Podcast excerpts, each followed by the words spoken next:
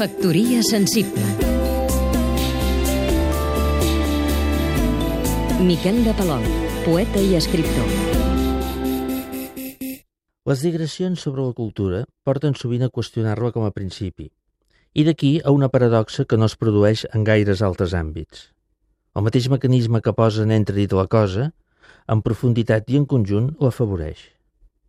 Els veïvents de la cultura entesa com a conjunt de manifestacions de l'esperit humà comporten contradiccions que amb sorprenent facilitat es fagociten per reincorporar-se al mateix element d'un tant sortit, amb prou dignitat tant perquè en surtin obres magnes com per generar noves contradiccions. No és exasperació, és cultura.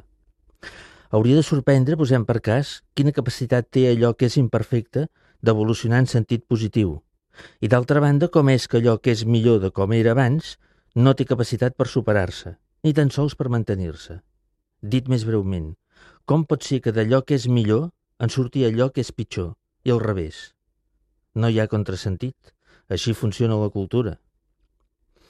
Com és que el desànim, l'escepticisme, l'autoodi fins i tot, són matèries primeres tan productives?